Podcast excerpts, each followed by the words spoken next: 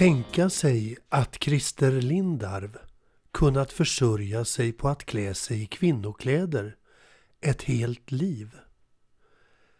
En del av oss pojkar kanske drömmer om att prova mammas kjolar som barn.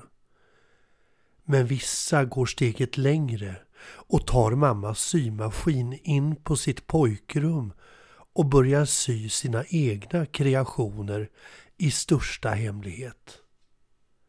När jag var i tonåren så brukade vi grabbar träffas i vår nybildade herrklubb. Det var rätt förutsägbara bjudningar som alltid tedde sig likadant. Alla uppklädda i kostym slog sig ner vid ett dukat bord och försökte agera vuxna genom att härma sina fäder på bästa sätt och i kulissen stod en mamma för kvällen utklädd till ett mellanting av servitris och hembeträde med vitt spetsförkläde och svart klänning. Så kom då dagen som jag skulle stå värd för nästa herrmiddag. Min mor var nog inte det minsta intresserad av att vare sig ha oss som middagsgäster eller att servera. Så jag tyckte att det skulle passa att bjuda in killarna på en dammiddag istället. Och middagen skulle hållas på mormor och morfars landställe. Inbjudningen utformades så att alla skulle förstå att om man ville delta på middagen så skulle man komma utklädd till sin egen mor. Konstigt nog så var det inte en enda som backade ur och tackade nej. Alla var väldigt ivriga och såg fram emot middagen. Då jag ett par dagar innan middagen klev in i min mammas garderob så upptäckte jag att vi inte längre drog samma storlek. Efter ett samtal till min kompis Magnus så blev jag lovad att hans mamma Erikas garderob stod till mitt förfogande. Erika som var lite mer rundnätt borde ju ha något som passade även till mig.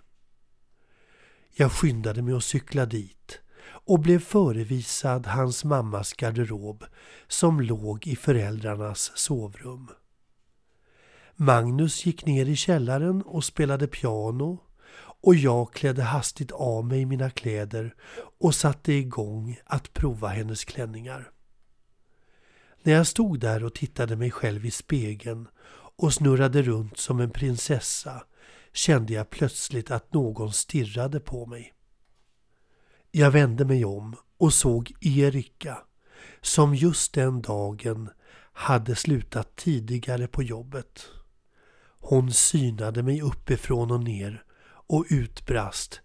Men Per, inte visste jag att du gillade sånt.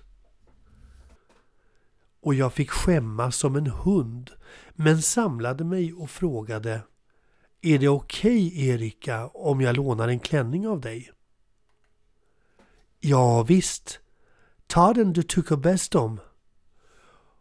Och så kom då dagen då vår herrklubb samlades för middag.